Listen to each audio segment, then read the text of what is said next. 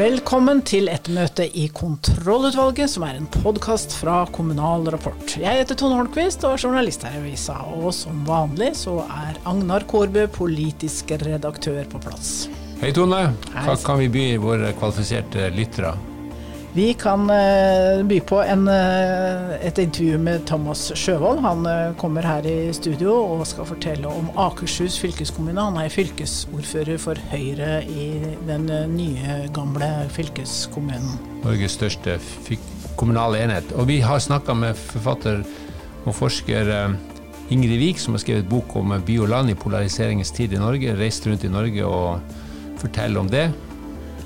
Og så har vi eventuelt, og da skal vi snakke litt om konsulentbruk, denne gangen i Øst-Finnmarksrådet. De vil ha flere folk nordover.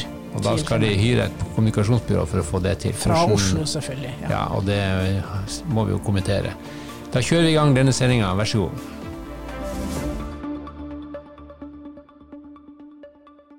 Velkommen i studio til Thomas eh, Sjøvold, Høyres eh, fylkesordfører i det nygamle fylket Akershus. Eh, hvordan er livet som fylkesordfører i Norges største kommunale enhet, Sjøvold? Foreløpig er det veldig bra. Vi Ja. føler jo at vi har Jeg føler at jeg har gått litt sånn og gressa og venta på at det skulle bli først i første, og at vi liksom ordentlig skulle komme i gang fra, fra oktober til nå. Eh, Så nå har jeg det veldig fint. Er veldig fornøyd med å se Akershus-skiltene komme opp og liksom vite at nå er vi ordentlig i gang. Men, men eh, mis, misforstår jeg deg når du sier at når jeg opplever det som at du gleder deg til, gleder deg til å bli fylkesordfører i Akershus? En kommune som du, fylkeskommune som du egentlig ikke vil ha? Kan jeg si det, det, er, det er i hvert fall ikke spesielt gøy å være fylkesordfører eh, uten geografi. Eh, og det er veldig deilig at nå har vi fått på plass den geografien. Og så vet jo alle at liksom, forhistorien til mitt parti er at vi gjerne skulle ha, skulle ha fortsatt med Viken. Men eh, si, eh, den diskusjonen er over, og nå har vi forsont oss med dette, og nå skal vi gjøre best mulig eh, for Akershus. Og da tenker jeg da er det lov å glede seg litt. Er det noen som vil eh, savne Viken? Ja, det tror jeg helt sikkert. Ehm, og jeg tror nok at mange av våre medarbeidere spesielt har, har opplevd en litt sånn ja, nesten sorgprosess eh, med at det de akkurat var ferdig med å omstille til å bygge opp igjen, skulle tas bort igjen. Men, men nå har det vært så lenge siden den avgjørelsen ble tatt, at, at nå tror jeg eh, vi er liksom alle klare til å se fremover og, og tenke på det nye. Akershus er da, har da parlamentarisme, så du er ord, fylkesordfører, og dere har et uh, fylkesråd. Hvordan fungerer det så langt? Uh, Jeg har veldig godt samarbeid med, med fylkesrådet. Uh, Jeg er vel, veldig spent på det. Min rolle, altså i hvert fall sånn definert i loven, er jo egentlig ganske, ganske lik. Og så er det jo en fordel, tenker jeg, da, at vi får saker skrevet av eh, folk som har den i hvert fall samme partimessig bakgrunn som meg. Så jeg, jeg er foreløpig veldig positivt og har et godt samarbeid med Anette som fylkesrådsleder. Så du syns parlamentarisme i kommunal sammenheng eh, kan fungere? Hva skal jeg si, Etter eh, to måneders erfaring, så, så foreløpig syns jeg dette går eh, veldig fint. Men, men, eh, men, men det er man- får liksom Politikken som sådan da, får jo et tidligere inngripen med eh, saker, selv om ikke det ligger til, til min rolle. Eh, og og det tror jeg, er, eh, tror jeg er viktig. Og så skal man nok være i en, en viss størrelse for at du skal kunne, kunne ha parlamentarisme, kanskje. Men, men eh, for Akershus så tror jeg dette blir en veldig god styringsform. For dere er store. eh, hva, eh, dere har blitt større siden dere var Akershus sist. Det Det- kommet noen nye kommuner til. Ja, øh, Asker har jo blitt større, så, så Røyken og Hurum kommer der. Og så Lunder og Jevnaker og Rømskog inn i Aurskog-Høland. I tillegg så er jo vi et fylke som, som er i stor vekst. Så, så det kommer jo stadig vekk eh, mange nye innbyggere til oss. Men er det en fordel da å være et eget fylke i en sånn situasjon med vekst og, og den dynamikken som ligger i hele denne Oslo-regionen? Altså, det er i hvert fall viktig å være av en viss størrelse, og så er det viktig å, å være så stor at vi kan se eh, geografien større, da, og se de regionale sammenhengene, som jeg opplever er, eh, er vår oppgave. Og, og best mulig på en måte utnytte ja, de felles interessene. Altså, jeg syns Jeg kommer jo fra Nordre Follo. og jeg synes Follobanen er et veldig godt eksempel da, på hvordan man må tenke regionalt på, på, den investeringen som der er gjort, og hvordan hele strekket, egentlig fra Oslo S til, til ja, Moss, egentlig, må ses i sammenheng i forhold til regional utvikling. Og sånn er det. Det er jo bare ett av mange eksempler da, hvor, hvor, hvor hva skal jeg si, våre regionale briller kommer til god nytte. Hva slags regionalt eh, blikk er det som går tapt når man har oppløst Viken? Jeg, jeg tenker at uh, Viken har liksom fått mye kjeft for, uh, for at uh, hva man sier, fra svenskegrensa til, til Geilo. Men, men, det vi kanskje skal huske, da, det er at storparten av de som bodde i det gamle Viken, de bodde jo i, i byer og i områder som i stor grad hadde pendling inn til Oslo. Jeg tenker, Hvis vi bruker Follobaneeksempelet igjen, da, så ville det vært naturlig å kanskje sett hele veien ned til Moss og hele veien ned til Askim som en regional utvikling, istedenfor å stoppe i Vestby. da. Men det er ikke sånn at du fantaserer om en egen kommune på den, langs hele den eh, geografiske dimensjonen? Jeg, jeg, har vel eh, gjort Eh, nok kommunereform for en eh, stund fra min gamle hjemkommune. Så ja, For du er tidligere ordfører i Oppegård, og det ble, Ski Oppegård ble da til ja. Nordre Follo. Jeg var den siste ordføreren i Oppegård. Ja. Eh, jeg, jeg tenker iallfall at skal man tenke på utvikling og regional utvikling, så er det viktig da, å komme på på et mer overordna nivå. Og det er klart at Uh, alle regionene i Akershus eh, har eh, potensialer og sammenhenger som går utover kommunegrensene deres. Fylkeskommunen blir ofte omtalt som en regional utviklingsaktør. Iallfall det er et ord som vi som har fulgt med litt, har lagt merke til. Ikke en del av den vanlige politiske debatten, men hva, hva, hva ligger i dette begrepet? Hvordan kan det gjøres relevant for kommunene? Ja, For det første så, så tenker jeg at uh, det er viktig å ha et godt samarbeid med kommunene. Er, fylkeskommunen alene kan ikke drive regional utvikling, men vi kan gjøre det sammen med kommunene. Og det er jo på en måte vår rolle, da, å tenke de, de litt overordna tankene. Men så ligger det jo egentlig ganske mye i det. Fra næringsutvikling til, til areal og planer, som vi har snakka mer nå, til, uh, til samferdsel. og og alle disse sammenhengene må vi kunne se i fellesskap eh, og i god dialog med, med kommunene. Samtidig som vi må se på det der når, når staten går inn og gjør store, store investeringer, så, så, må vi som region også være med på å utvikle det. Høyre har eh, flest fylkesordførere etter dette valget. Hva skal dere bruke denne makta til? det er et veldig godt spørsmål. Eh, Eh, jeg tenker at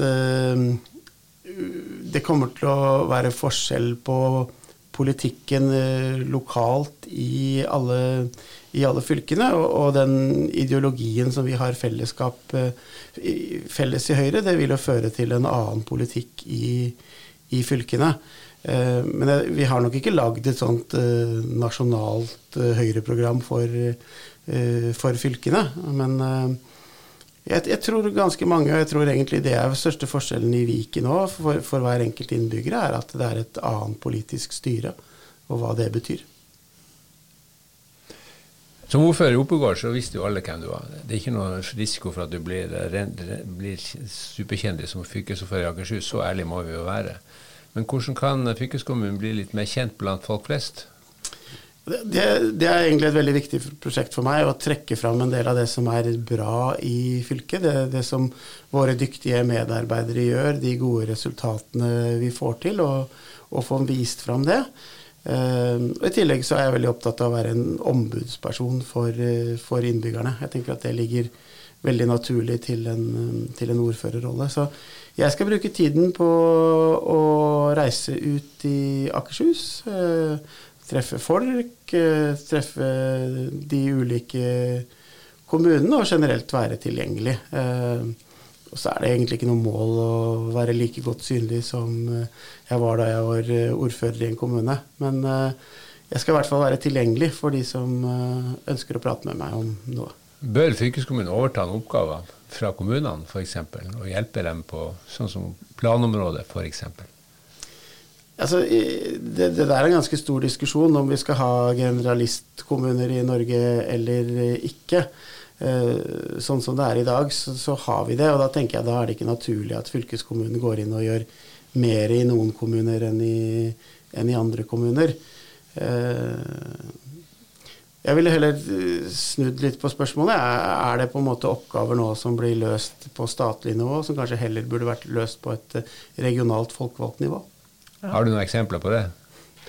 Jeg, jeg, tenker at jeg ville i hvert fall um, sett på en del av det som ligger til fylkesmannsembetet. Uh, Kanskje både på vei, uh, nei, på plan f.eks. Uh, er et område hvor vi nok uh, kunne gjort mer på egen hånd.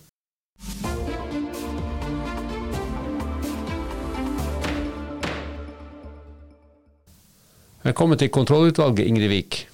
Tusen takk. Du er religionshistoriker, og du er forfatter, og du har uh, studert konflikter i andre land. Men nå har du skrevet bok om, uh, om, og fra Norge. Den heter 'Hand i hand by og land i polariseringens tid'. Hvordan vil du oppsummere den reisen du har foretatt i Norge de siste årene? Det er en reise inn i veldig ulike deler av landet med ulike virkeligheter. Eh, og de ser i mange tilfeller ganske annerledes ut enn de gjør der hvor jeg bor, på Grünerløkka i Oslo. Så dette har vært en oppdagelsesreise?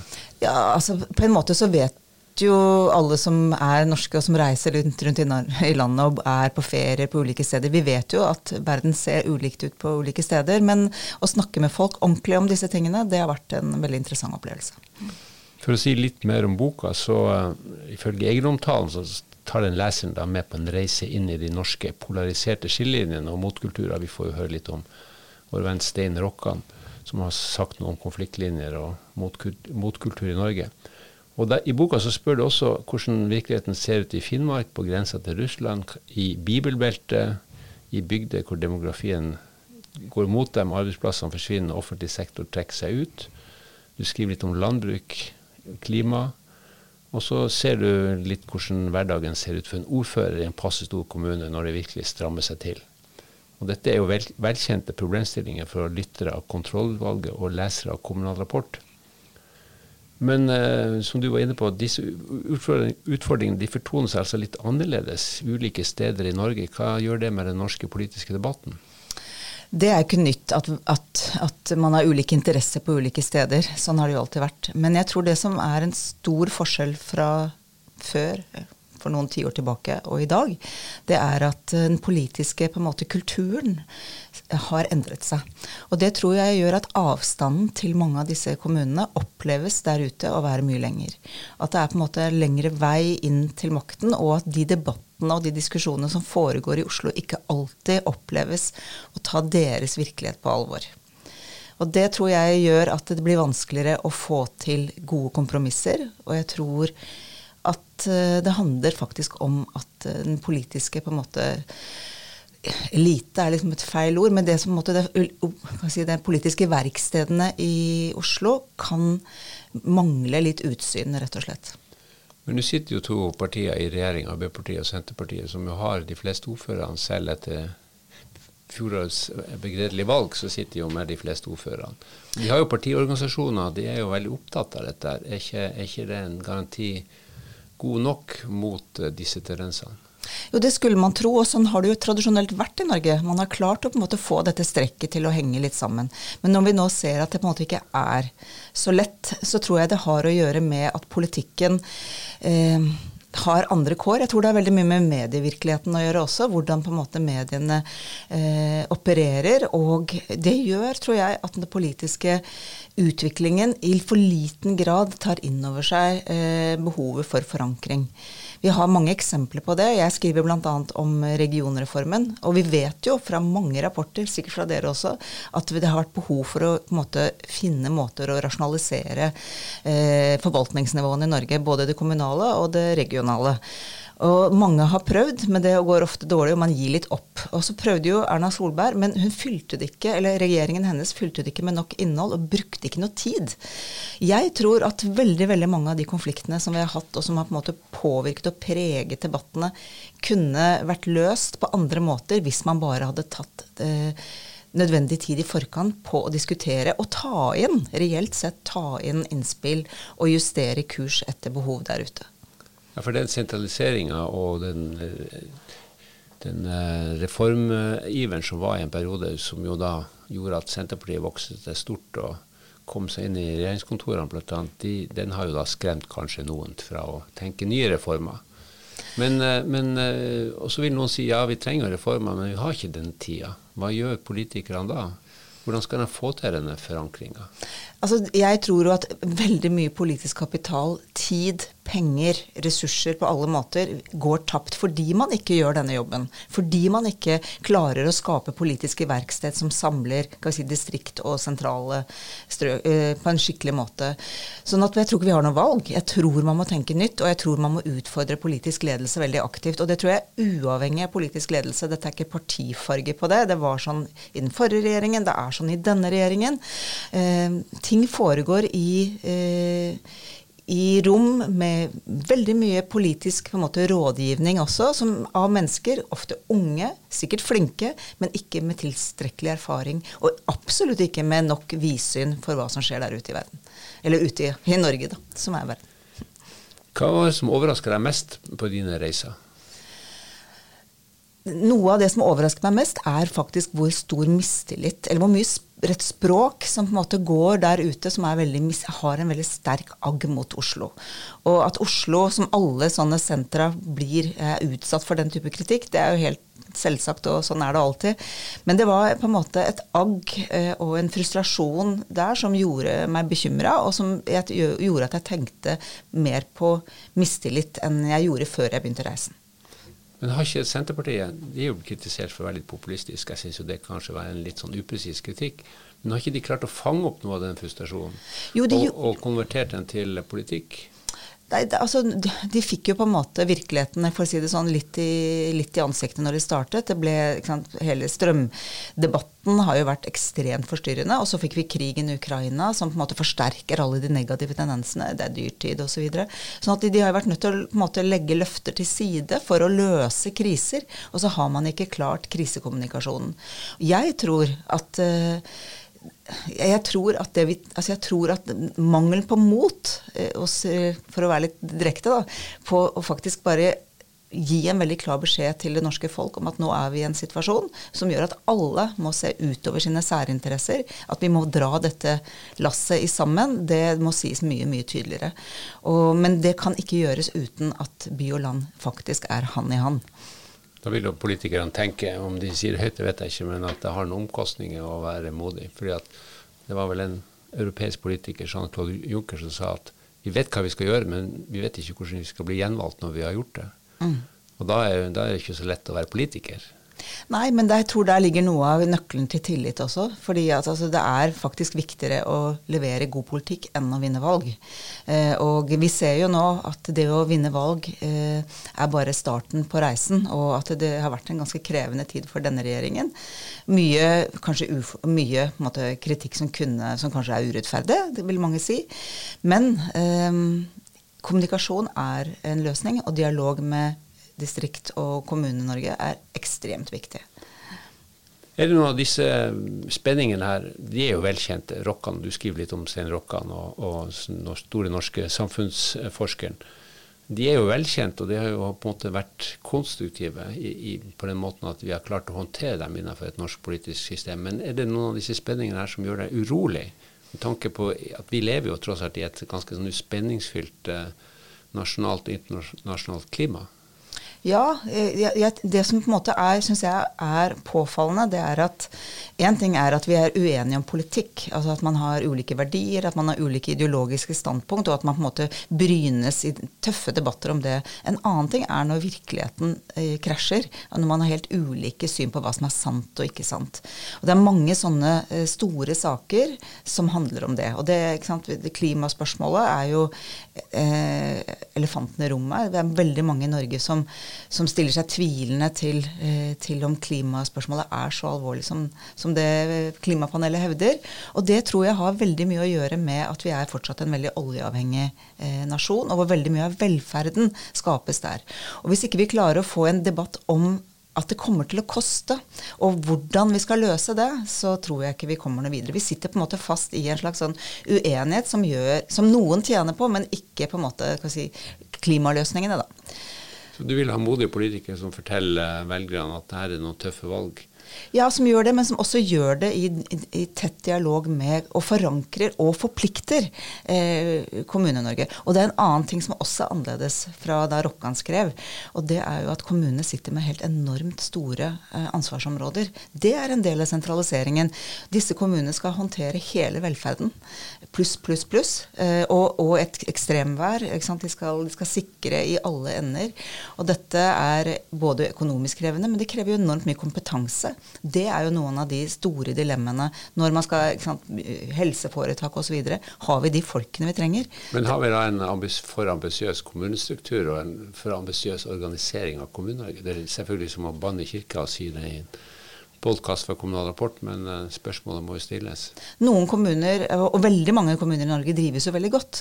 Men noen steder er det rett og slett så få mennesker at det er vanskelig å trygge borgernes rettssikkerhet. Det slår jo forskerne fast. Og hva, det må vi jo løse, fordi at alle borgere og alle kommuner har, har krav på de samme si, tilbudene og mulighetene og tjenestene. Så må måte, det må vi jo snakke om på en skikkelig måte. Hva er det som har vært eh, den mest sånn positive opplevelsen av å reise rundt? Det er jo først og fremst hvor enormt stort potensial det ligger i, eh, i, i det norske Kommune-Norge, og hvor utrolig attraktivt det virker å være og leve utenfor storbyen. Det må jeg virkelig si. Og det tror jeg stadig flere av oss får øynene opp for. Et liv utenfor Oslo-gryta. Vi får se hvordan det går. Men eh, Ingrid Vik, takk for at du kom innom kontrollutvalget. Takk for at jeg fikk komme.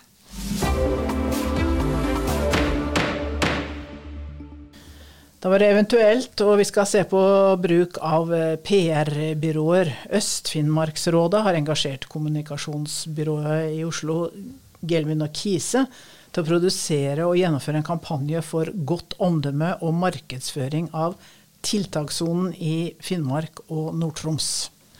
Og tiltakssone, det er da ja, Det er jo rett og slett at man har tatt noen kommuner i Nord-Troms og Finnmark som eh, har fått uh, såkalte personretta virkemidler. Mm. Hvis du flytter dit, så får du skrevet ned studielånet, du får mindre skatt, du får, uh, nå får du gratis barnehageplass, det har vært lavere pris. Du får fritak for elavgift på forbruk av strøm, som selvfølgelig er fint nå når det er kaldt. Finnmarksfradraget, for ja, dem. Det, det, men problemet med denne tiltakssonen, som jo har vært der siden 1990 at den har ikke noe voldsom effekt, ifølge den evalueringa som ble gjort i 2022. Liten varig effekt på bosetting, heter det i rapporten. Så folk kommer, og så er der en stund Ja, det virker en periode, og så reiser folk tilbake igjen. Ja, så for det er folk, unge voksne i alderen 20 til 39 de gjerne vil ha oppover da? Det vil jo enhver kommune ha, bortsett ja, til og med i Oslo vil de jo at, at folk skal komme hit. Fordi alle kommuner trenger arbeidstakere. og eh, ungdom, for de er de mest lønnsomme innbyggerne. De gir skatteinntekter og gir store inntekter fra staten. Tror du dette er eh, god bruk av offentlige kroner? Nei, jeg er litt skeptisk til det. Eh, Nå skal jo kommunikasjonsbyråene også leve, men eh, de skal jo helst ikke leve av offentlige budsjetter.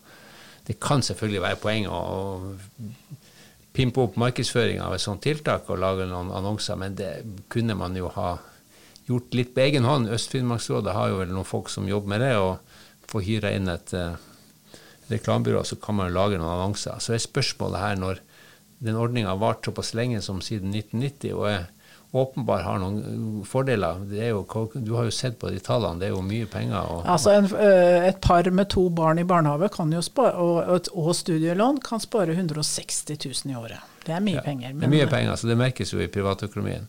Så jeg tror, at, jeg tror at skal du få folk til å flytte til Finnmark, så er det ikke en reklamekampanje som skal, eller en sånn omdømmekampanje. Da må du rett og slett gjøre de fordelene med å bo der enda mye større. Man har jo snakka om svalbardskatt.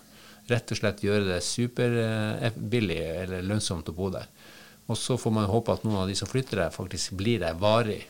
Og bidrar, sånn sett bidrar til at det blir en robust region hvor det bor nok folk, slik at man kan ivareta de offentlige tjenestene og sørge for at næringslivet har nok folk som de trenger. For vi må jo, vi har jo ment bestandig at vi må ha folk til å bo i de nordlige landsdelene, spesielt Finnmark og Nord-Troms. Vi lever jo i en sikkerhetspolitisk situasjon. Vi må vise omverdenen at dette er livskraftige områder.